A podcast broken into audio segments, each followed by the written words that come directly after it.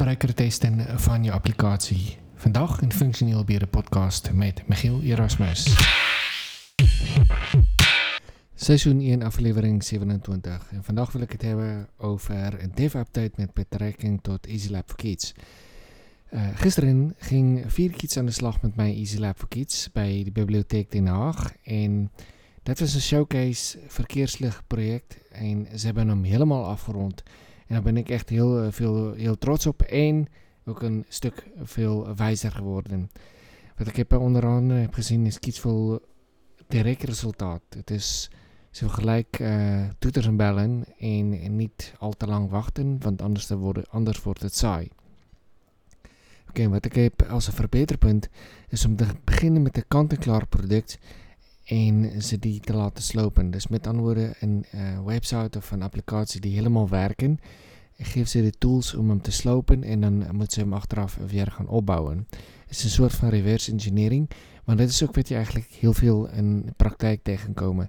Er zijn heel weinig software of projecten waar je helemaal vanaf nul beginnen met, uh, zeg maar met een oh, hamer en een buitel en, en een stuk hout en, en lijm.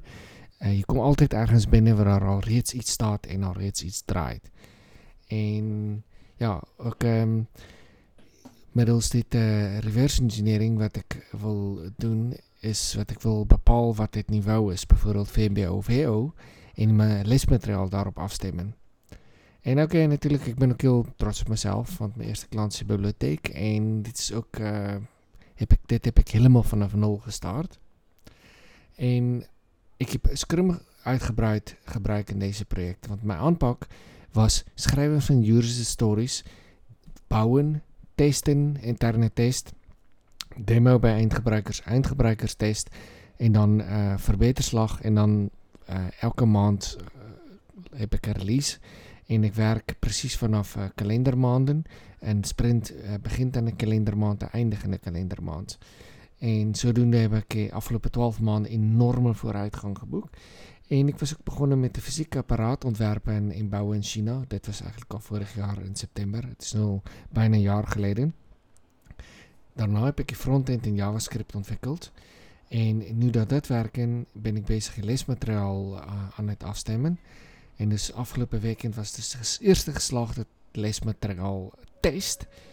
En mijn volgende slag is docentenopleiding, want, zodat ze er zelfstandig aan de slag mee kunnen gaan. Maar ja, inmiddels ben ik ook nog aan het solliciteren, dus mocht je weten van een baan, ik ben beschikbaar als functioneel beheerder of Scrum Master. Laat mij dan alsjeblieft weten bij 0638369260. Ja, dit was uh, Michiel Erasmus Functioneel Beheerder Podcast, seizoen 1 aflevering 27 en tot de volgende keer. Oké, dag dag, doei!